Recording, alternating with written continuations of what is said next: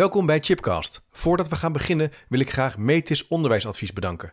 Metis werkt elke dag aan hun missie: excellent beroepsonderwijs voor iedereen.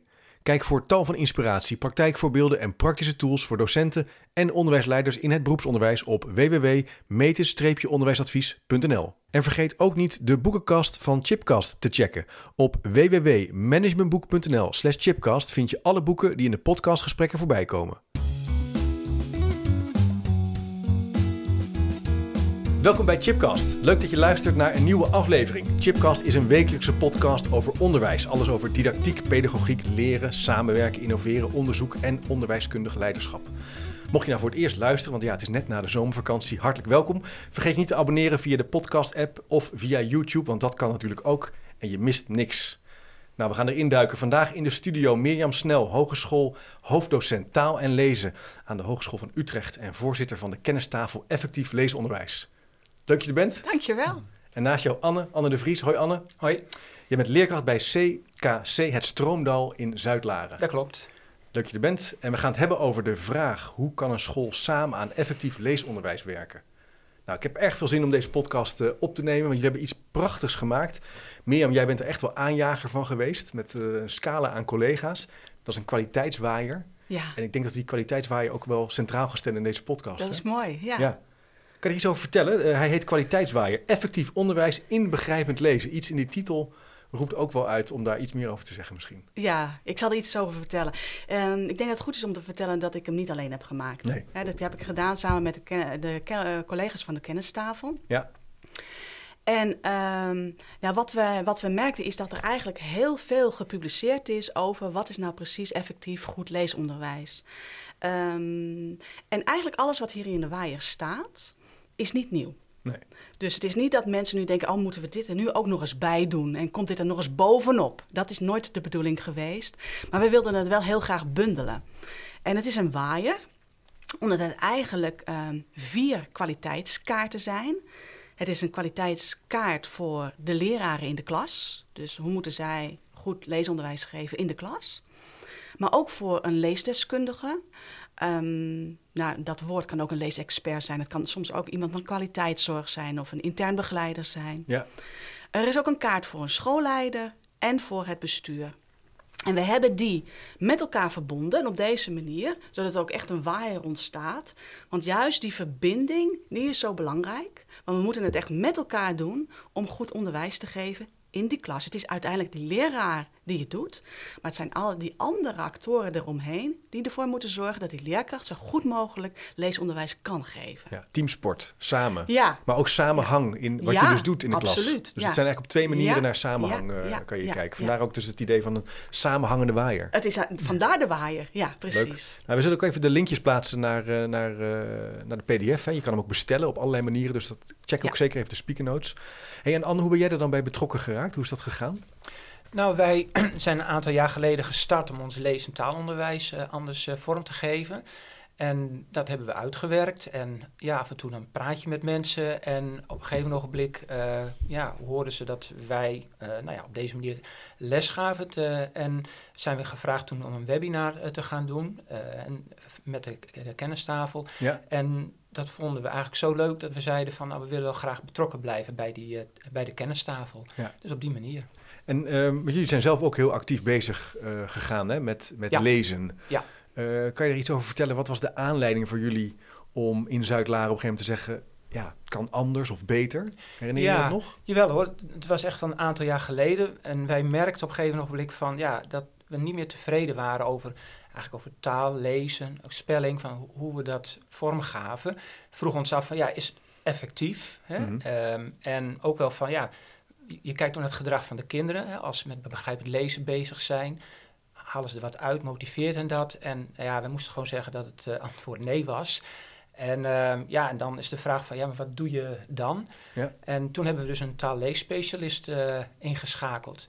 En eh, wat ze als, eigenlijk als eerste gedaan heeft, is gewoon is eerst vertellen. Wat zijn nou de bouwstenen van goed lees taalonderwijs? Ja. En, ehm, en dat hebben we op een gegeven moment zijn we gaan uitwerken. En eh, zodoende is het destijds eh, eigenlijk eh, ontstaan. Ja, dus ook maar eerst ook even wat kennis naar binnen halen. Dus die analyse was wel duidelijk, van we- het kan beter, we willen stappen zetten. Ja. En vervolgens eens gaan kijken naar die bouwblokken om dan te Ja. gaan bouwen. We gaan ook wat, wat, wat vaker in deze podcast naar jouw praktijkervaring en hoe jullie dat met elkaar samen hebben gedaan. Ja.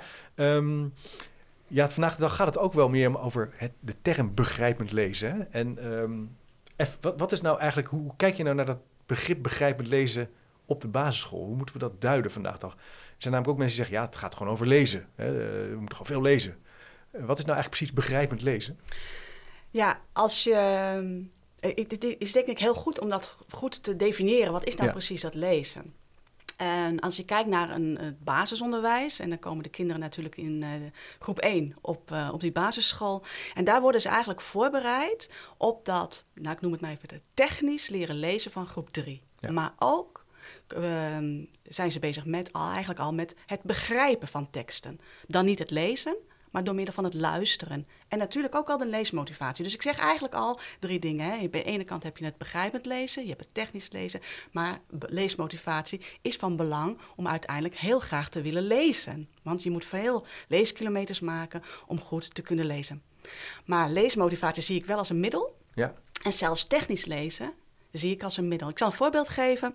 Als ik een Franse tekst lees, eh, dan kan ik hem waarschijnlijk technisch goed lezen, maar ik begrijp het waarschijnlijk niet. En dat is het verschil tussen technisch lezen, de techniek van eigenlijk al die tekens omzetten in klanken en die klanken dan weer in woorden en in zinnen. ja. Maar om echt goed tot begrip te komen en dan niet alleen dat wat er staat, dus de tekst zelf, maar vaak zegt een tekst nog zoveel meer. En dat maakt het zo complex, dat begrijpend lezen, om eigenlijk ook te lezen. en, nou, als een voorbeeld. Als ik de zin zeg, ehm, er zitten drie kinderen op de achterbank, dan weten we dat deze kinderen in een auto zitten. Maar het staat niet in die zin. Dus we hebben eigenlijk heel veel kennis en achtergrondkennis nodig om de tekst echt goed te begrijpen. ja, ja, ja. Eh, en dit is een heel plat voorbeeld. Nee, maar zo mooi. Doe me denken aan die, die, die filosoof Polanyi, die het ook had over tacit knowledge. Hè? We know more than we can tell. We weten meer dan we soms kunnen Mhm. vertellen. Je, je hebt eigenlijk al een hele beleving bij het woord achterbank. Je denkt er een auto bij, een snelweg. Je hebt zelf misschien in de auto gezeten. Ja, Dus dat weten we. En, dat, Ja. en, dat En je voelt het ook. En je voelt het. En dat Ja. is dat begrijpen is veel meer dan alleen precies. de klanken goed om kunnen zetten. De tekst die er staat. En dat maakt het ook zo moeilijk. Want als we kijken naar de, de kinderen in Nederland, die kunnen eh, over het algemeen wel goed technisch lezen. Die doelen behalen ze wel. Maar als het gaat om leesbegrippen, met name dat diep lezen, daar vallen onze leerlingen op uit. Zowel in het primair onderwijs, maar ook in het voortgezet onderwijs. Ja. Dus daar ligt wel een zorg. Daar ligt een zorg. En jij noemt ook even bijvoorbeeld het begrip eh, diep lezen. Eh, zou je dat kunnen toelichten voor degene die nu denkt... Oeh, eh, even denken, even weer opfrissen na de zomervakantie? Ja, ehm, ja eigenlijk al wat ik, wat ik ook al net zei. Je hebt een, een platte tekst. Maar wanneer je eh, die tekst leest en je gaat ook zelf de nadenken erover. Dus evalueren, reflecteren, misschien ook wel analyseren. Misschien bedenken van, hé, hey, ik heb iets anders in een andere tekst gelezen. Klopt dat wel wat er staat? Dus ook Ja. kritisch nadenken over een tekst. Maar misschien ook wel als er in een tekst ehm, gesproken wordt over bepaalde termen, waar, eh, ehm, waar kan ik dat terugvinden? Of een hele heldere analyse. Dus het diep lezen gaat ook over het aangaan van een soort leerproces. Het reflecteren op wat je ziet. Het nadenken over andere bronnen. Het verbinden. En eigenlijk daarmee dieper de inhoud gaan dan alleen de tekst op hoofdlijnen Ja. snappen. Dus daar heb je ook kennis voor nodig, zou Ja. ik, zou ik Ja. zeggen. Veel woordenschat, eh, veel ervaringen. Even weer terug naar de kwaliteitswaaier. Wat maakte nou dat jullie dit allemaal zijn gaan maken? Want dit is toch gewoon een hele klus geweest, denk ik. Je zei, nou, het zijn geen nieuwe dingen. Ehm, wat is nou de aanleiding geweest om het allemaal bij elkaar te, te brengen? Nou, dat is natuurlijk de zorg geweest. Ja. Hè, dus de zorg, als we, het gaan, als we kijken naar bijvoorbeeld de resultaten van PULS, maar ook van PISA, dan zien we dat onze leerlingen uitvallen. Ja. Maar we, aan de ene kant, wat ik al vertelde, weten we al heel veel over wat is goed le- leesonderwijs. Alleen we zien dat niet altijd terug in de praktijk. Ja. Dus we moeten die brug gaan, gaan nemen om in die praktijk dat, ja, die kennis eh, een, een positie te geven. Of Ja. dat we iets gaan doen met die kennis. Wat ik denk ik sterk vind aan deze waaier, is dat er ehm, in heel veel bronnen ook al gesproken wordt over effectieve elementen. En Soms zijn het er zeven, soms zijn het er acht of negen. En wij hebben eigenlijk maar vier bouwstenen. Ja. En eh, we wilden het heel compact houden, want we wilden voorkomen dat het ook een echt een, een checklist wordt. Van, eh, oh ja, we hebben van deze negen bouwst- eh, effectieve elementen bijvoorbeeld, hebben we er zeven. Ja. Het gaat echt om die vier. En die vier zijn eigenlijk dat, we, dat er gewerkt moet worden met rijke, brede thema's. Daarnaast moet op zoek worden gegaan naar kwalitatieve teksten, worden ook wel eens rijke teksten genoemd. Dat er over die teksten gesproken wordt en naar aanleiding van die teksten geschreven wordt. En dat we de uh, prestaties van de leerlingen goed volgen, gaan monitoren. Dat zijn eigenlijk de vier hoofdbouwstenen, zijn dat. En daarnaast, het gaat niet alleen om de leraar in de klas, hebben we ook uitgewerkt wat betekent dat dan voor een leesdeskundige, ja. een schoolleider ja. en voor het bestuur. Want ja, wat ik al vertelde, het is echt teamwork. Het, we moeten het echt met elkaar gaan doen. En dat wordt allemaal kort in de waaier beschreven. Uh, ja, soms maar op één A4'tje. Ja, ja, dus heel kort is het. Dus het is niet compleet, uh, maar het geeft wel de kern weer. Uh, en we verwijzen ook naar andere bronnen waar je nog um, verder in kunt lezen. Mooi. En ik denk ook heel belangrijk, uh, dat punt van uh, het belang van lezen over hetzelfde kennisrijke brede thema gedurende een langere periode. Anne, uh, hoe doen jullie dat dan bijvoorbeeld? hebben jullie dan een, een centraal thema waar jullie langer ja, ja. literatuur en bronnen mee, ja. mee aan de slag gaan? Wij zijn, eigenlijk hadden we eerst gewoon allemaal methodes. En elke methode heeft zijn eigen thema. En had je in een week soms wel drie, vier thema's. En, ja, ja. en die allemaal redelijk los van elkaar stonden. We hebben op een gegeven moment ook bij ons op school gezegd, we gaan thematisch werken. En uh, we kiezen daarbij bijvoorbeeld van Blink hè, het thema. Dan werken we van vakantie tot vakantie. Dus we hebben ongeveer vijf thema's in een jaar. Dat doen we uh, dan met de hele school. En eigenlijk moet ik zeggen het hele kindcentrum. Dus ook de dagopvang en ook naschoolse opvang, groepen 1 tot en met 8. Iedereen werkt met hetzelfde thema? Iedereen, dus het thema leeft ook binnen de, binnen Ja, de school. En Kan je een voorbeeld geven? Wat is een thema wat jullie vorig jaar hebben? Ehm, nou, bijvoorbeeld, eh, het laatste thema was verre reizen. Ja. Eh, groen moet je doen. Eh, nou, het zijn eigenlijk de thema's van Blink. De komende Ja. fantastische families. We proberen ook altijd het thema een beetje een leuke naam hè, te geven. Een beetje zo Suske en Wiske, hè, fantastische families. ja, Die, die die heeft ook spannend. altijd- Ja, precies. Maar ook dat het thema's zijn die kinderen, die kleuters ook begrijpen. Ja. Hè, dus als je het wat meer over ecologie of zo zou hebben, dat zou bij groep 1, 2 niet zo aanspreken. Dus dan heb je het over groen moet je doen. En dan kun je alle kanten dan ook mee. Ja, eh, kun je mee de diepgang mee? Je kan heel veel aanpalende thema's, Ja. ja. aardrijkskunde, biologie, Ja. maar het ook toegankelijk maken voor de wat jongere Ja. kinderen. En wat we dan ook doen, is dat we proberen met zoveel mogelijk vakken daar ook bij aan te sluiten. Dus natuurlijk, je hebt gewoon taal, maar hè, wereldoriëntatie, daar is het aan ontleend. De taallessen sluiten daarop aan. Spellingwoorden komen ook daar, eh, daaruit.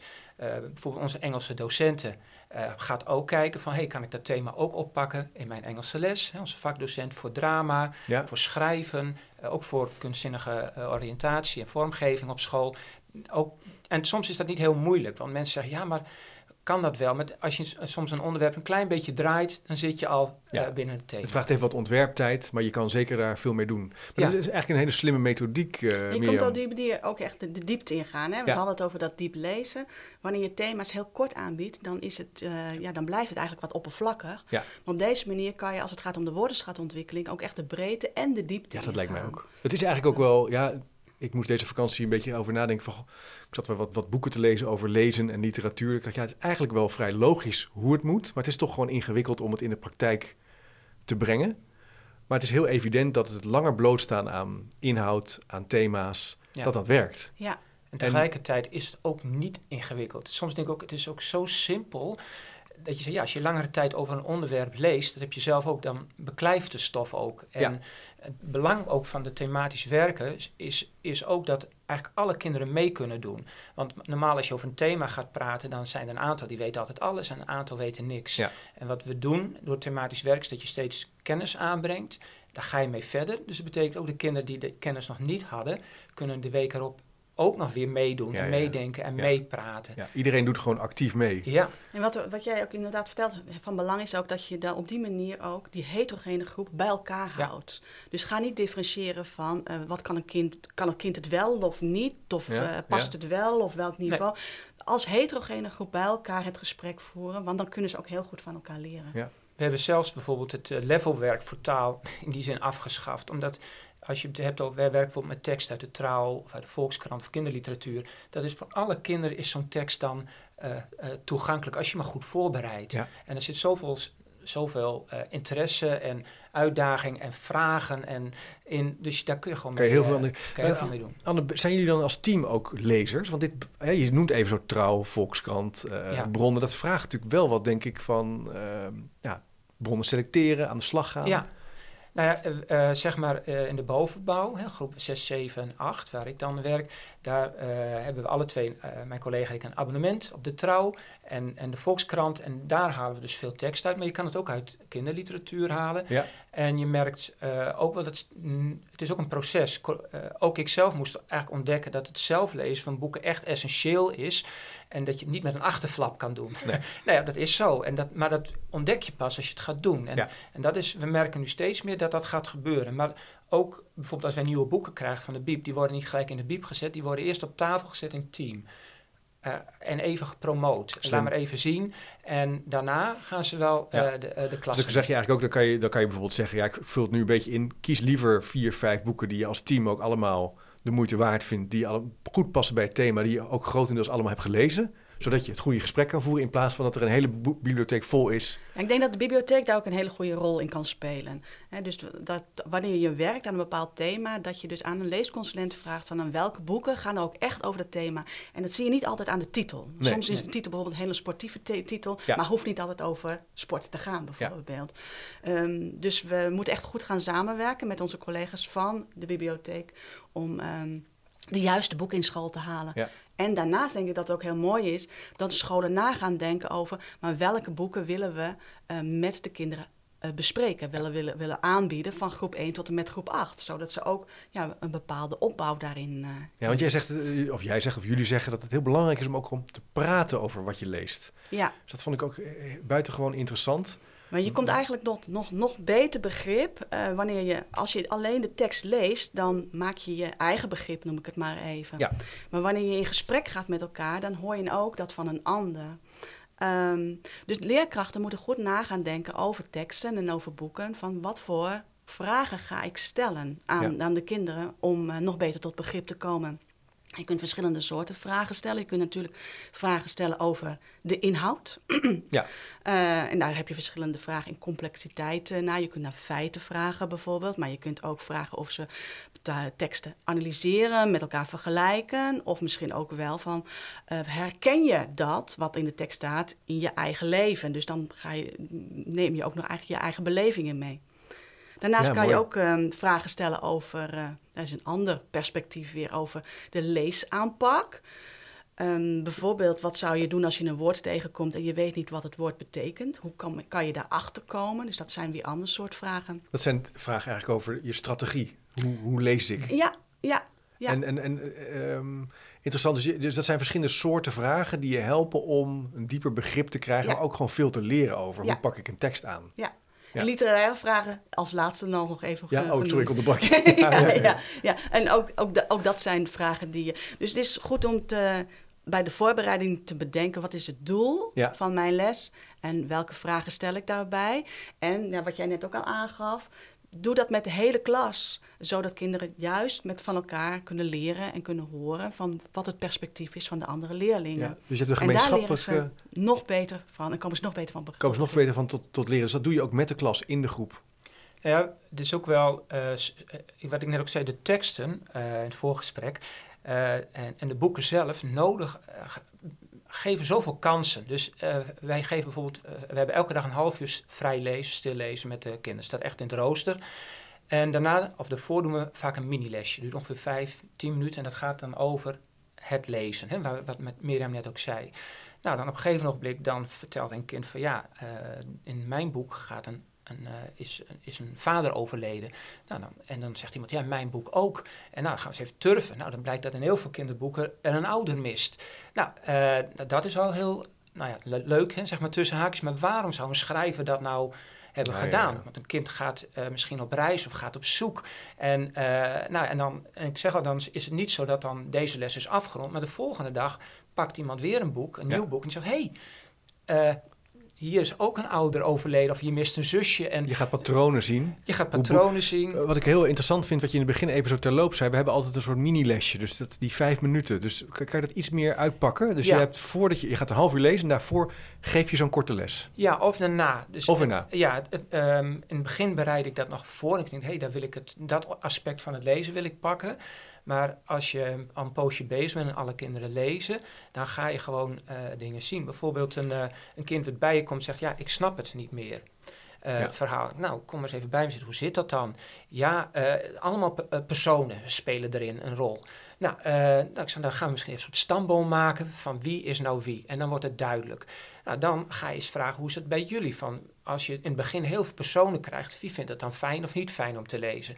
En dan zeggen sommigen, jee, maar voor een boek staat al, bijvoorbeeld bij Mees Kees, alle personen. Of er staat een landkaart in, zodat je geholpen wordt. Ja. Dus dat is dan ook een beetje leesstrategie van wat moet ik doen Ja. als ik het niet weet. En die kaart staat er niet voor niks in. En, ja, en, en dit bedenk je Leuk. gewoon pas als je... Ja, en Als je op een gegeven moment heb jij zelf ook zoveel vertrouwen in hoe je, wat je ziet gebeuren en wat je Ja. kunt doen, dat je een repertoire hebt van... Ja, maar ik hoor van Anne ook vragen. zeggen van eh, wat gebeurt er in de klas? Wat Ja. hebben de leerlingen nodig? Ja. Wat valt me op? Ja. En hoe kan ik ze een stapje verder brengen? Ja. En dat, dat, wa- dat pak je op. En Ja. inderdaad, het voorbeeld wat je gaat over, ik herken dat zelf ook als ik een boek heb. Zeker, ik ook. Dan is, dat, eh, dan is dat het vriendje daarvan en daar dan weer het zusje van Ja. en daar dan weer ook weer een vriendinnetje van. Dat ik het ook wel eens niet weet. En ik, ik maak dan ook altijd even een spiekbriefje.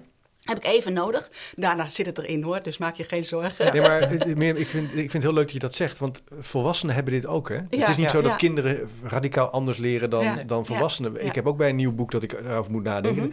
En dat blijft zo, ook als je iets nieuws gaat doen, een nieuw instrument gaat spelen, kost moeite. Dat Ja. leerproces is eigenlijk Ja. Hetzelfde. Het is best wel leuk om daar ook gewoon met kinderen ook over te Ja, kunnen praten. Nou, wat mij, wat mij ook opvalt is juist het gesprek met de kinderen. Want je kunt het als leerkracht soms zelf invullen. Ja. Eh, ik heb zelf bijvoorbeeld een zoon in, eh, die heeft wat moeite met lezen.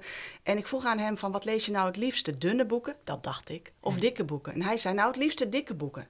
En dat, ik was echt verbaasd dat hij dat zei. En toen zei hij, want ik vind het begin van een boek altijd het moeilijkste. En als ik dunne boeken heb, Ja. moet ik iedere keer weer het begin Opnieuw lezen. beginnen.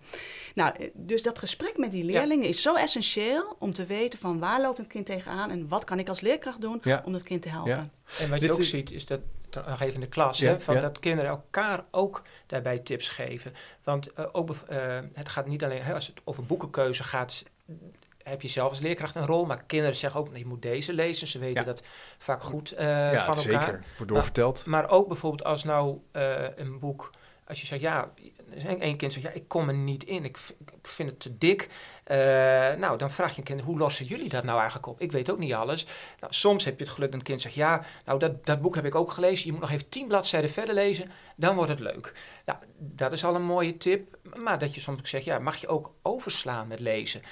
Mag je ook een beetje skippen? Ik weet nog boeken van Thea Beckman van vroeger, fantastisch, maar die hele uitgebreide beschrijvingen, dan keek je even van, nou, waar gaat de actie weer weer verder? verder? En dat is ook weer eh, leesstrategie. Ja. Hè, maar de kinderen ook, ook dan de toestemming krijgen. Want eigenlijk denken kinderen altijd, ja, je moet alles lezen. Dat is ook een soort idee. Je moet hem van voor naar achter lezen. Maar je mag soms best een beetje skippen. Ja. En, dat zijn- en, en zo kan je tig dingen uit één les halen. En dit gaat natuurlijk nu- nog even voorn- voornamelijk over ja, literatuur, hè, jeugdliteratuur. Hoe ga je hier nou vergelijkbaar mee om met, met de inhoud, hè, de, de, de, de, de thema's die je behandelt?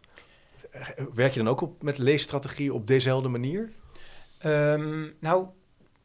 Of ga ik even dan heel snel, door de, heel kort, te nou, kort kijk, door de bocht? het is zo, eh, bij ons op school staan de weekteksten centraal. Misschien is dat goed om even te vertellen. We hebben elke week een, eh, eigenlijk een tekst en die komt uit, ja, wat ik net zei, jeugdliteratuur, Volkskrant Trouw, eh, eh, informatieboeken. En, wij, en om die teksten goed te kunnen begrijpen, daar zetten wij eigenlijk alles op in. Dus die, als we hem op dinsdag aanbieden, gaan we op maandag gaan we een hele les besteden. En dat is misschien ook een beetje strategie, maar van, nou, eh, over het onderwerp. Dus Ja. stel je voor, we hebben het gehad over de Amerikaanse eh, rivierkrab.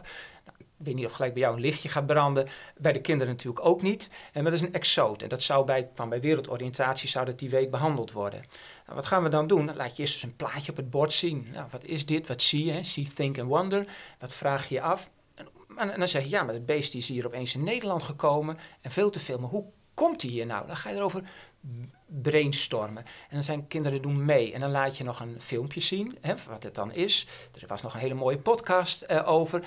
En, en je praat erover. En dan zijn de kinderen genoeg uitgerust om dan de volgende dag zo'n tekst uit de trouw eh, eh, te kunnen lezen. Dat doen we dan eerst nog met gezamenlijk lezen. En de leerkracht leest voor, ligt nog een beetje toe. Dan gaan we koor lezen met de hele klas en dan in, in duo's. Dus, Koor lezen? ja, dat noemen we dan even met elkaar hardop lezen. Met elkaar hardop lezen. Ja, dus dan wordt die tekst met elkaar hardop nog een keer gelezen. Zodat Eh, iedereen eh, ook de intonatie, de, de woorden, eh, alles nog een keer... Dus dan leest de hele klas de tekst hardop. Ja. En jij leest mee hardop. Ja. Wat ik mooi vind aan zijn voorbeeld, is, ehm, je leest nog wel eens in de literatuur dat leerkrachten voorkennis moeten ophalen. Hè? Dus voordat je dus zo'n tekst leest, eh, moet Ja. je voorkennis ophalen. Maar wat jij doet, is achtergrondkennis bijbrengen. Ja. En het is net even iets anders Ja. is dat. Dus je, je zorgt ervoor dat ze de juiste achtergrondkennis hebben, zodat ze de tekst die we straks gaan lezen me- kunnen begrijpen. Ja. Dus dat is wel een, een verschil tussen voorkennis ophalen of Ja. achtergrondkennis En mooi even een aantal eh, interessante werkvormen die jullie ook toepassen zo in de klas met elkaar. Eh, we, hebben natuurlijk, we hebben het dan nu gehad over praten, hè, wat je leest, hè, converseren, dialoog, verdiepen. Eh, zowel op de strategie die je kunt hanteren als ook op wat je eigenlijk leest, hè, de inhoud, die wereld groter maken. Dat doe je met kennis. Ehm, het gaat ook over schrijven, Mirjam. Vind ik ook wel interessant. Ik heb nu eh, recent een podcast net voor de zomer eh, over handschrift en het belang van leren schrijven. Eh, kan je daar iets over zeggen? Van waarom het belangrijk is om ook te schrijven? Ja, ehm, schrij- schrijf je veel of eh, zelf Ik, ik, ehm, nou, ik ben wel echt een typer, moet ik zeggen. ja, hoor. ja, ja, ja, nou, dat, dat noem ik ook schrijven. Oh, oké. Ja, nee, dan ben ik wel een. Ja, eh, ja, ja, dan ben ik wel een typer. En ik schrijf ook altijd wel actief mee. Nou, als je, als je schrijft, als ik, dat heb ik zelf ook, als ik teksten schrijf, dan ben je eigenlijk aan het denken. Het is een, het is een denkproces, is het. Dus als je kinderen de juiste schrijfopdracht geeft, dan gaan ze nadenken over de tekst die ze net hebben gelezen. Eh, en er zijn eigenlijk twee schrijfactiviteiten waarvan we weten dat die echt wel effectief eh, zijn. Eh, dat is bijvoorbeeld het samenvatten van een tekst. Of het synthetiseren van twee teksten. En dan bedoel ik dan eigenlijk dat ze twee teksten met elkaar vergelijken en tot een gezamenlijke samenvatting komen. Als je zo'n opdracht krijgt, moet je teruggaan naar de tekst. Ja. Je kan hem niet één keer lezen en vervolgens dan kijken van... nou, gaan zoeken. En... Nee, je moet echt teruggaan. Ja, ja, en wat is precies de hoofdgedachte van deze tekst? En als ik dat vergelijk met een andere tekst, verschillen die met elkaar? En hoe schrijf ik dat dan op dat ze van elkaar verschillen? En als je dan ook nog vraagt aan de kinderen of ze daar een eigen standpunt in willen bepalen, eh, ja, dan moeten ze ook echt nog na gaan denken over wat vind ik er zelf van. Dus dit soort schrijfopdrachten die zorgen ervoor dat ze beter tot leesbegrip komen. Mooi. Hoe kijk jij dan naar ehm, schrijven met de hand of typen? Ik, ik begreep namelijk eerder dat typen sneller gaat dan dat je eigenlijk kan denken. Dus dat schrijven toch wel de voorkeur heeft. Of dat, de jury is out, weet nog niet helemaal. Maar volgens mij ligt, er, ligt de wel op het handschrift ontwikkelen. Ik weet hier echt, te- weet we ik te weinig keer- van. Nou, beste luisteraar, als je nu denkt, daar moeten we nog een keer op door, eh, eh, stuur me een berichtje. Ik, had, ik heb een keer met Pedro de Buiker over gesproken, maar het is alweer een drie, jaar of vier geleden. En die zei, als ik het goed herinner, van dat toch het handschrift, eh, we denken dat dat beter werkt dan typen. Maar dat daar ook wel weer verschillende onderzoeken zijn die je wat tegenstrijdig beeld eh, laten zien. ik- ik ben maar in ieder geval, het ik- schrijven, ja. het actief verwerken van wat je doet. Hoe doen jullie dat, eh, Anne, in de, tijdens de lessen? Ehm, nou, was bij ons inderdaad ondergeschoven kindje. Dat, dat sneuvelt Toch wel? vaak. Ja, dus Ja. We, hebben, we hebben werken ook met een format waarin we dan elke week zeggen welke tekst we doen, wat de, eerste les is om voor te bereiden, maar ook welke schrijfopdrachten doen. En we hebben dan twee soorten, de writing prompts. Dat zijn kleine schrijfopdrachtjes. Dus bijvoorbeeld als het weer over die exoten gaat, nou zoek maar op internet in dit geval eh, nog een exoot op die er is in Nederland. En schrijf je even drie zinnen op. eh, en die lees je even voor aan de klas. Dus heel, eh, en, maar dat is ook interessant voor kinderen om te doen. En een iets uitgebreidere schrijfopdracht die soms wat over een aantal lessen verspreid wordt. Als we nog weer over die exoot hebben, hebben we de kinderen gezegd... nou, we hebben geluisterd naar een podcast van Groene Oren. Daarin wordt een dier geïnterviewd. Hè? eh, dus vaak een nukkig dier of een dier met een eigenschap. Nu mogen jullie zelf een podcast gaan maken. Maar als je een podcast maakt, dan moet je hem ook gaan schrijven. En dan moet je dus ook over het dier weten. En we stellen dan vooraf ook vaak eisen in de vorm, en dat doen we in de vorm van rubrics. Dus en waarin we aangeven wat willen we nou precies dat jij straks gaat. Dat we terug kunnen Ja, horen. ja. Nou, dat het dier een duidelijke eigenschap heeft, bijvoorbeeld. En dat we vier of vijf nieuwe feitjes horen over het Wat dier. verwacht je eigenlijk? Een vorm van formatief handelen waar je al mee bezig bent. Hè? Na, met ze gaan bespreken vooraf. Wat verwacht Ja. ik eigenlijk om, het om verder te kunnen? En wat leuk dat je bij jullie podcast kan maken. Ja, nou, het is een, een app. Ja. Eh, en kinderen zijn erop. ge- Je doet het eerst thuis, dus je komt even de dingen tegen. En denkt, oh, daar moet ik even op letten. Maar ze Ja. pakken dat vrij, eh, vrij snel op met geluidjes en, en, en, en noem ja, maar op. gaan ze helemaal los. Ja, maar Ja. ook om heel leuk om te zien hoe dieren geïntroduceerd dan werden. Ja. En want dat, eh, hè, een, eh, een aap die eerst boven in de studio hangt, eh, in plaats van gewoon te zeggen welkom meneer aap. Eh, dus kinderen werden daar ook creatief in en ze kregen, gingen ook het beest een karakter geven. Nou, en dat kun je dan ook weer terugzien in weer linkjes leggen als je boeken leest. Van... Maar dat, is ook weer zo mooi, Eddie, of Eddie Anne, wat je laat zien is dat je dus met het aanreiken van kennis, met goede strategie, enorm veel creativiteit en plezier kan hebben met het, ja. met het leren en met samen dingen maken. Dat is echt wat verschil. je, moet, je moet ze dus ook de ruimte geven. Hè? En een van de uh, aanjagers van uh, motivatie is bijvoorbeeld autonomie. Is dat. Dus als je ze een opdracht geeft waarbij ze voldoende de ruimte hebben om een eigen invulling uh, daaraan aan te geven, dan, ja. ja dan dan wakker je die motivatie aan. Ja, dat was een van de doelen waar jij het in het begin ook over had. Je zegt van nou, die leesmotivatie, leesplezier is iets wat we echt willen versterken, willen ontwikkelen. Dus dan moet je ook Hè, vinden jullie, zeg, stellen jullie ook daar aandacht aan besteden? Ja, nou goed, leesmotivatie zie ik zelf als een middel. Hè, dus zodat kinderen gaan, uh, gaan lezen. En zelfs lezen zie ik ook nog als een middel. Want uiteindelijk wil je, wil je kennis tot je nemen. En dat is uiteindelijk het doel waar, waarvoor, waarvoor we lezen of we willen vermaakt worden. Um, dus ja, die leesmotivatie uh, is heel erg van belang. Het um, mooie van jouw voorbeeld vind ik ook, want um, als je kinderen dus um, laat schrijven, heb je ook schrijfproducten van, uh, van leerlingen. En als je wil weten van, nou zijn kinderen nou echt goed tot leesbegrip gekomen, kan je dat ook teruglezen in die schrijfproducten. Natuurlijk. Want als je ziet hoe uh, begrijp het lezen op dit moment vaak nog wordt getoetst. Namelijk dat kinderen een korte tekst moeten lezen en naar aanleiding van die tekst uh, een paar multiple choice vragen moeten beantwoorden. Nou, we vragen ons af of dat wel de goede manier is om uh, het leesbegrip te monitoren bij de leerlingen. Zijn dit soort schrijfproducten, maar ook bijvoorbeeld presentaties van leerlingen, veel rijker. Er is zoveel wat kan, hè? Ja, je, ja. dus je hoeft niet alleen maar meteen naar een formele toets te vervallen. Maar je kan ze uh, wat laten schrijven. Je kan een mindmap maken, een podcast. Ja. Mijn dochter heeft recent een hele historielijn gemaakt van de Tweede Wereldoorlog. Met plaatjes en tekeningen. Ja, dat is ook een manier hoe ja. je kan kijken van... Goh, hoe ziet het handschrift eruit? Weet ze nog voldoende ja. over wanneer het eigenlijk is gestart, die Tweede Wereldoorlog? Noem maar even wat, hè? Ja. En dus verzamel van inderdaad dit soort gegevens tijdens de les zelf. Maar ook na, na een periode van zes weken of acht weken... als het uh, project is afges wordt afgesloten. Verzamel dit soort producten van leerlingen... Fantastisch. om te kijken van nou zijn ze echt tot dat begrip gekomen. Leuk. Ik ga hier trouwens donderdag met Karen Heij over praten. Die heeft natuurlijk ook een uh, interessant proefschrift geschreven over het hele idee van CITO-toetsen. En oh, wat we allemaal wel en ja. niet moeten toetsen. Ja. Um, en die heeft het ook over uh, ja, ja, het, het, rijker maken van, uh, van ja, actionable data, noem ik het even. Vorig jaar sprak ja. ik erover met uh, Hollingsworth en Ibarra van ADI. Hè? Dus die hebben het over explicit direct instruction. ADI, dat is wel -hmm. bekend denk ik als je nu luistert. En die noemde de term actionable data, vond ik een mooi begrip. Los of je nou ADI moet gebruiken, wil je data hebben in die klas. Maar ook van jezelf als leerkracht, als professional. Om te kijken, ben ik op de goede weg? Moet ik bijsturen? Wat kan ik leren? En want dat gaat eigenlijk over, um, met even een bruggetje naar het monitoren. Het monitoren van de ontwikkeling van de, van de leerlingen. En je zeiden eigenlijk ook van ja, dat gaat dus ook over jezelf monitoren als professional. Ja, wat in de, de waaier, wat ik ook vertelde van uh, die rol van die leesdeskundige en die schoolleider is heel ja. erg van belang. Um, het is belangrijk op een school dat een school een taalbeleid, een visie heeft van hoe doen we het in de klas. Um, maar dat we niet alleen de gegevens van de leerlingen verzamelen, maar ook van hoe doen onze professionals het. Um, dus uh, een leesdeskundige kan bijvoorbeeld gaan observeren in de klas van nou, hoe geef jij je leesles en hoe kan ik je nog verder ondersteunen? Ja. Uh, wat heb je nodig ja. om nog betere leerkracht te worden? Superbelangrijk, ook voor zover er voorspellers zijn, weten we wel dat als je gaat kijken bij elkaar in de klas, dat dat een hele belangrijke manier kan zijn om die onderwijskwaliteit te verbeteren. Want je, gaat, je ziet, ja. ja, ik zie dingen die jij niet ziet en andersom ja. Ook, ja. Jullie besteden daar ook aandacht uh, aan? Um, ja, we hebben eerst heel veel eigenlijk meer samengewerkt, bijvoorbeeld als collega's. Van In het voorbereiden en ontwerpen, ja, ja, precies. En, um, en voor volgend jaar staat echt wel op de planning om nou, eerst ook gewoon nog het gesprek aan te gaan van waar, waar sta je nu?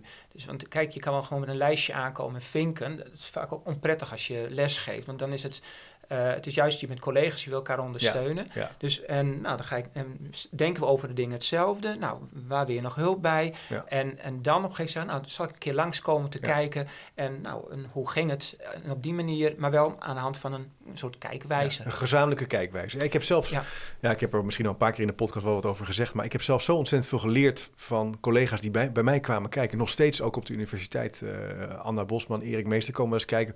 Ja, ik zie gewoon, je ziet gewoon dingen niet altijd. Ik dacht op een gegeven moment, ik praat, ik, ik introduceer veel te veel concepten. Ja. Ik echt, eh, ja, ik vind Ja. het gewoon heel leuk. Nou, nou, nog een Ja. concept, nog een model. Ja, ik heb ze wel in mijn hoofd. Maar als je als student eh, op een gegeven moment na drie kwartier denk je ook van... joh, eh, hou even op, eh, Ja. ik zie het niet meer. Hè? Dus minder Ja. En beter Ja. is dan ook een eh Maar dit is niet op alle scholen is dit de gewoonte. Nee. Dus eh, ik, we komen best wel uit een tijd waarbij leraren eh, in hun eigen klas hun, hun eigen wereldje hadden. Ja. Nou, die, school, die, die deur die moet open. En juist de schoolleider, en maar ook bijvoorbeeld zo'n leesdeskundige, maar ook het bestuur, ehm, ja, kan die leerkracht helpen door te weten wat heeft die leerkracht nodig. Ja. Dus we moeten daar open over zijn. En wat ik mooi vind aan het voorbeeld van jou is, je kunt dat langzaam opbouwen. Je kunt eerst met elkaar in gesprek Ja. gaan, intervisiegesprekken hebben bijvoorbeeld. En dan later ook echt daadwerkelijk bij elkaar in de klas gaan kijken. Waarbij het fijn is als er iemand komt kijken, dat de leerkracht ook weet, waar kijk je dan precies naar? Eh, dan, dan weet je ook waar je het straks over met elkaar kunt gaan Ja. hebben. Of je kunt het ook gaan zeggen, ik ga straks deze les geven. Zou jij dit en dit van mij willen Ja. bekijken? Zullen we het punt. daarover gaan hebben? Ja, dus van te- leg ook van, maak van tevoren even expliciet. Ik kom bij jou kijken. Ik ga, even, ik ga kijken naar de rekenles. Of naar eh, Ja. het eh, vijf minuten, eh, Ja. de Ja. vijf minuten werkvorm. Ja. En met name over eh, het introduceren van nieuwe kennis in relatie Ja. tot voorkennis. Ja, En dat zou ik graag willen weten. ja, En ik ga eerst eens even kijken waar jij zelf staat. En daarna gaan we de verbeteringen wel in kaart brengen. We hebben in Ja. het verleden ook wel, eh, nog net voor de coronatijd, met lessenstudie bezig geweest. Dus ook het gezamenlijk voorbereiden. Ja. Dat is soms ook al heel sterk. Dat je Ja. dan samen gaat nadenken, elkaars eh, krachten bundelt. Ja, Ehm, en dat je dan eh, daarna vervolgens de, de klas in gaat en gaat kijken van hoe gaat het. Maar dan weet je van, eh, bijvoorbeeld dat je ook zegt, nou lees ook een stukje bijvoorbeeld uit een boek. Ja. Eh, zodat je met, eh, over hetzelfde hebt en dat Ja. je erover kan praten. En wat ook wel nog een leuk is, van ja, vraag ook de kinderen van, hey, heb jij, hoe was die les nou? Heb je het gesnapt? Want ja, ik kan nog wel denken, nou, hij deed alles keurig volgens, of zij volgens het boekje. Maar als een kind zegt, ja, nou, ik weet nog niet precies wat het is, dan heb je daar nou toch nog wat te doen. Dus ook de rol van de kinderen is daarbij belangrijk. Ja. Leerlingen hebben daar, kunnen daar gewoon een hele belangrijke bijdrage Ja. in leveren. Ja. En dat is eigenlijk ook weer dat punt van formatief handelen. Hè. Dus het, het, het, het- een continu proces Ja. van het ophalen waar we staan en het verrijken en het verdiepen eigenlijk van je, Ja. van je kwaliteit van je, van je onderwijs. En die, die waaier is daar natuurlijk, dat vind ik er zelf zo Ja. leuk aan toen ik hem kreeg. Dacht ik, ja, die bouwstenen zijn heel bruikbaar. Hè? Ja. Het zijn inderdaad, wat je in het begin ook zei, niet meteen tien. Ja, dat mag ook voor mij. Ik bedoel, ik ben een vakidioot, zou je kunnen zeggen. Ik vind dat leuk.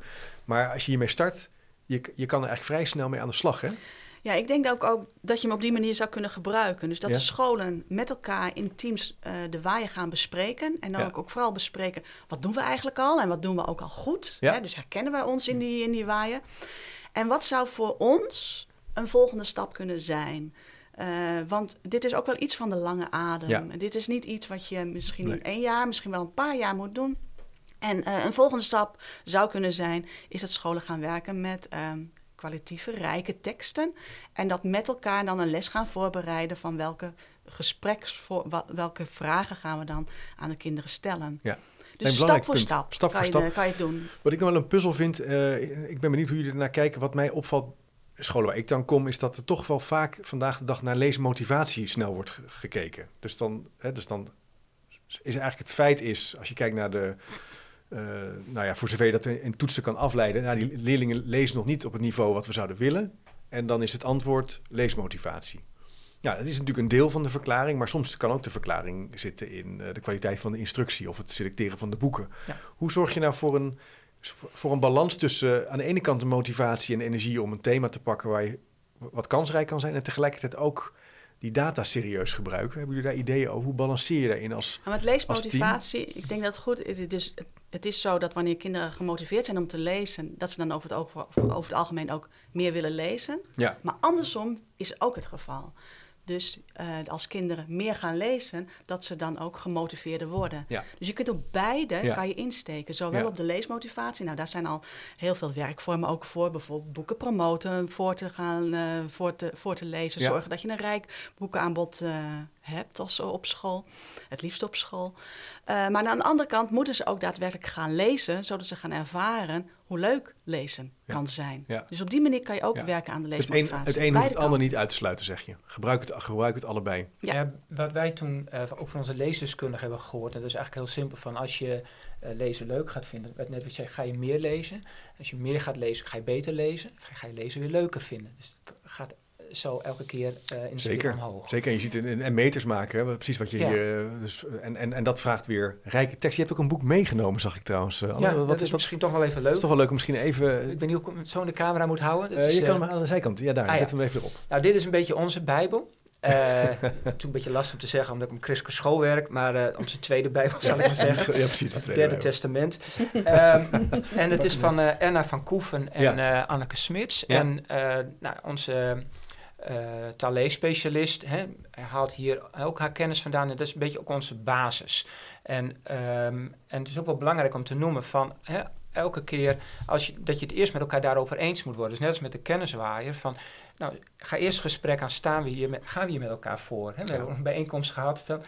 ondersteunen we met elkaar die Is dit kenniswaaier? het? Ja, is dit ja, het? Want dat is niet altijd vanzelfsprekend. En als je het daarover eens bent en zegt, nou daar gaan we voor, dan maakt het je ook ehm, nou, dat je zelf meer keuzes kan maken als leerkracht. We hebben bijvoorbeeld al gehad met spelling, dat we op een gegeven moment zeiden, ja, de resultaten zijn niet wat ze moeten zijn. Laten we maar weer extra woorden elke dag doen. Ja.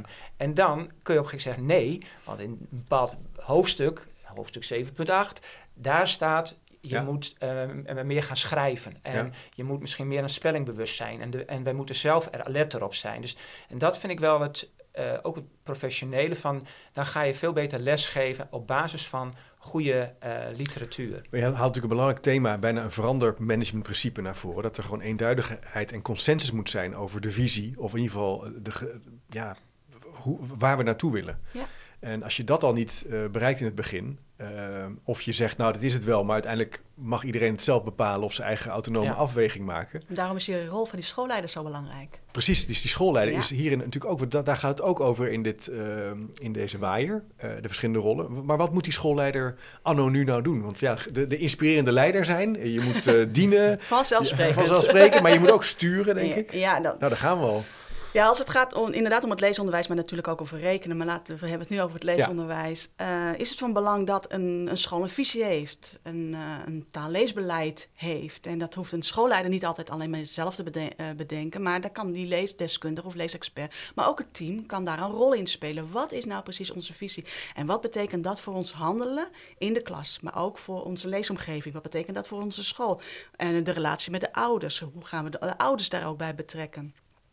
Dus daar maak je hele duidelijke afspraken over. En Ja. die zet je dan ook ja, vast. Dat kan in een Ja. kwaliteitskaart bijvoorbeeld zijn. En dat gaan we dus doen. Ja. En dat betekent dat een schoolleider moet toezien dat het gedaan wordt. Dus ook gegevens verzamelen over hoe doen de leerkrachten het.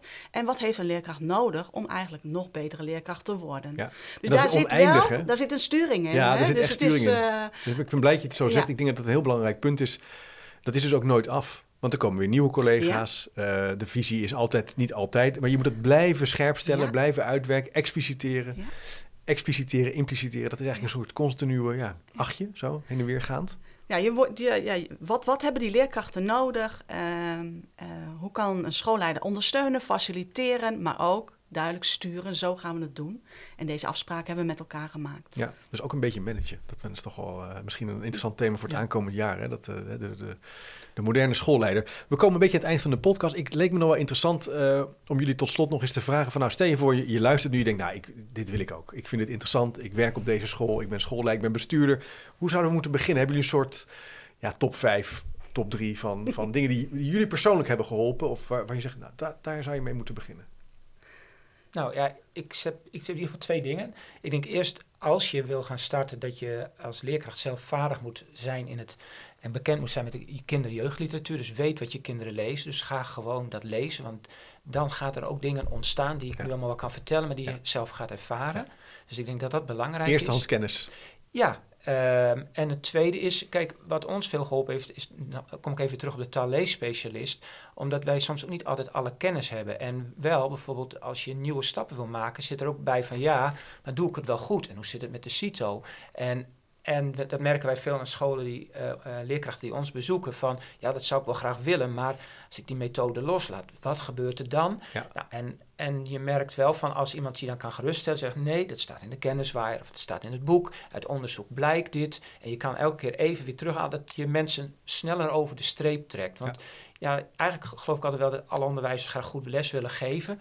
Maar ja, het moet, je moet ook gefaciliteerd worden en ook soms even geholpen worden van hoe je het moet doen Ja. en dat het ook goed is. Zorg voor een goede, eh, doordachte basis waar je op kan terugvallen. Ja, en ook wel dat je, eh, je vindt het toch altijd spannend, dat die CITO's, die, eh hij ook altijd in je nek, als die dan tegenvallen, hoe zit het dan? Maar dat je op een gegeven moment zegt, nou, dat, dat zien we dan wel even weer. Ja. We, we doen het goed Ja. als we het op deze manier Ja. doen. Nou, als ik daar nog wel dan misschien dan toch een duit in het zakje mag doen, dan zeg je denk ik ook omarm een lange termijn strategie. Hè? Dus je, mag hier, moet hier ook gewoon een aantal jaren voor nemen. Het is niet zo dat een school in één jaar Nee. Van rood naar groen wordt. Ja, het kan wel, maar dat is vaak of het dan blijvend is. Hè. Eh, Een lange termijn strategie, ik heb het geleerd van André de Waal, eh, die daar onderzoek naar doet, 10, 15 jaar. Dat is eigenlijk eh, een lange termijn strategie. Dus Nou. echt durven vooruit te kijken. Ja. Maar goed, dat was even als reactie op prachtige Ja. twee punten. Ik, ik herken wel wat jij zegt, Anne. Je hebt, je hebt ook een bepaald vertrouwen nodig. Hè? Want eh, wanneer je werkt met een methode, dan kan een leerkracht altijd zeggen van... eh, ja, maar het staat in de methode. Ja. Je Ja. kunt de verantwoordelijkheid Ja. ook daar neerleggen. Ja. Nou, Doe het zoals de methode dat heeft voorgeschreven. Maar als je dus inderdaad gaat werken vanuit... eh, dat wat we weten. nou, die methoden zijn er niet. Ze worden wel ontwikkeld, eh, gelukkig steeds meer. Ehm, dat betekent dat je het ook wat losser moet gaan laten. Absoluut. En moet gaan vertrouwen op, op, op die kennis. Ja. En dat is best wel spannend, is Ja. dat. Dat Tuurlijk. Nou, de kennistafel is onder andere ook bezig met het verzamelen van voorbeeldscholen. Ja. Dus het hoeft niet alleen een school. Dus we kunnen elkaar ook opzoeken. En we kunnen ook ervaringen met elkaar Ja. delen. Langs gaan. Langs gaan, Ja, inderdaad. En eh, kennis uitwisselen. en- Maar ook eh, uitwisselen, waar loop je tegenaan en hoe lossen jullie dat nou op? Dus we zijn in ieder geval ook bezig om eh, die scholen te, Heel te verzamelen. En in kaart te, letterlijk in kaart willen we ze Ja. gaan eh, brengen. Schoolbezoek, ja, dus ik zeg ook wel eens tegen scho- schooldirecteuren van... eh, wacht nou even met de studiedag, maar ga naar een andere school toe. Er zijn zoveel, zoveel mooie scholen waar mooie dingen gebeuren. Ga gewoon kijken. Ja, Je bent meestal overal welkom, hè? ja, ja, Ja, dat is een mooie tip. Ja. Dus eh even de top dat, 5. dat was ook een tip, ja. Ja. ja. Ja. Nog een laatste misschien? Ehm, nou, ik had al een tip gegeven, neem de tijd. Eh, Ja. En ja, als, als school, ehm, ehm, neem voor je, jou, voor de, de school waar je werkt, de volgende logische stap. Hè, dus wil niet meteen alles, maar neem gewoon een stap waardoor je het dit jaar nu weer net iets beter doet dan Ja. vorig jaar. En dan, dan heb ik nog één laatste, die zou ik nog noemen, de bibliotheek. ja, Eh, we wij hebben het gaan er even over gehad in het begin, maar Ja. graag. Nou ja, we, kijk, vaak is het ook zo van, ja, hoe kom je aan mooie boeken? En scholen hebben niet altijd gelijk een hele mooie collectie. Maar nou ja, je kan met de kinderen gewoon zeggen, we gaan één keer eh, per thema naar de bibliotheek toe. En daar zoek je mooie boeken uit. Maar Ja. het betekent ook dat kinderen, want niet alle kinderen komen in de bibliotheek, dat ze daar ook kind aan huis worden. Van hoe vind ik daar een boek? En merken eerst van, ja, dat lijkt toch heel vanzelfsprekend. Nee, dat is moeilijk. Als je het voor de eerste keer kijkt Ik vind het nog steeds moeilijk. nou ja, dat, en ze hebben tegenwoordig ook andere systemen. Ja. Je hebt het placement eh, Ja. en zo. Maar eh, je merkt dat kinderen steeds vaardiger dan worden in het vinden eh, ook van boeken. Maar ook vertrouwd zijn om daar naartoe te gaan. Met name ook kinderen die er niet van, met, een, met een ouders bijvoorbeeld vanzelfsprekend Nee. komen. Nee, ik zit hier in de Raad van Toezicht bij Kunstenhuis Idea. Dat is een gemeenschap van eh, zeven bibliotheken. En er zijn ontzettend veel eh, betrokken en bevlogen collega's die kinderen kunnen helpen, die, Ja. maar ook volwassenen kunnen helpen. Ik zelf merk het ook in de bibliotheek eh, en ook in de boekhandel dat ik het ook moeilijk vind om af en toe Ja. een boek uit te kiezen. Ik heb ook gewoon, want ik heb het altijd van met, met mensen met wie ik graag samen lees, dat ik erover kletsen. Zo doe ik het dan. Maar, Ja. Dus dat is ook een mooie tip eh, om nog even ter harte te nemen. Goh, wat leuk. Zeg. Ja, ik, ik- dit, eh, ontzettend mooi, mooi werk wat jullie hebben verricht. Eh, Hij is gratis te downloaden, Ja. moet ik er even bij ja, zeggen. nee, zeker. Noem dat. En daarnaast ook, als je zegt van nou, ik wil heel graag zo'n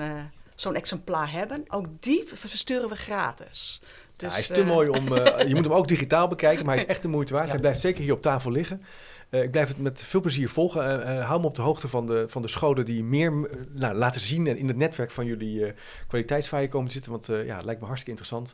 Eh, dankjewel voor jullie tijd zo in de, in de zomer. Eh, beste luisteraar, bedankt voor het luisteren. Vergeet je niet te abonneren eh, en een review te schrijven over dit gesprek. Hoe eerlijk, hoe beter. Vind ik altijd wel leuk. Als je nou zegt na deze podcast, hey, ik ga hiermee aan de slag. Stuur me dan even een mailberichtje. Dan krijg je een boek naar keuze uit mijn boekenkast.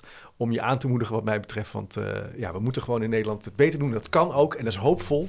En nou, jullie hebben echt laten zien dat dat, eh, dat dat heel goed mogelijk is. Dus ik zou zeggen, tot de volgende keer. Dankjewel. Dankjewel. Nieuwsgierig naar meer? Abonneer je op de nieuwsbrief en je mist niks. Ga naar www.chipcast.nl slash doe mee. Wist je dat er op chipcast.nl meer dan 200 afleveringen over onderwijs, samenwerken, innovatie, verbetermanagement, leiderschap, organisatieverandering en filosofie te vinden zijn? Blij met deze podcast? Je helpt Chip enorm met een review of recensie op Spotify of Apple Podcast. Je kunt trouwens alle gesprekken op YouTube bekijken. En vergeet je dan niet te abonneren. Tot slot nog even dit. Managementboek heeft ook een podcast, De Boekenpraktijk, over managementboeken. Check ook deze podcast via je favoriete podcast app.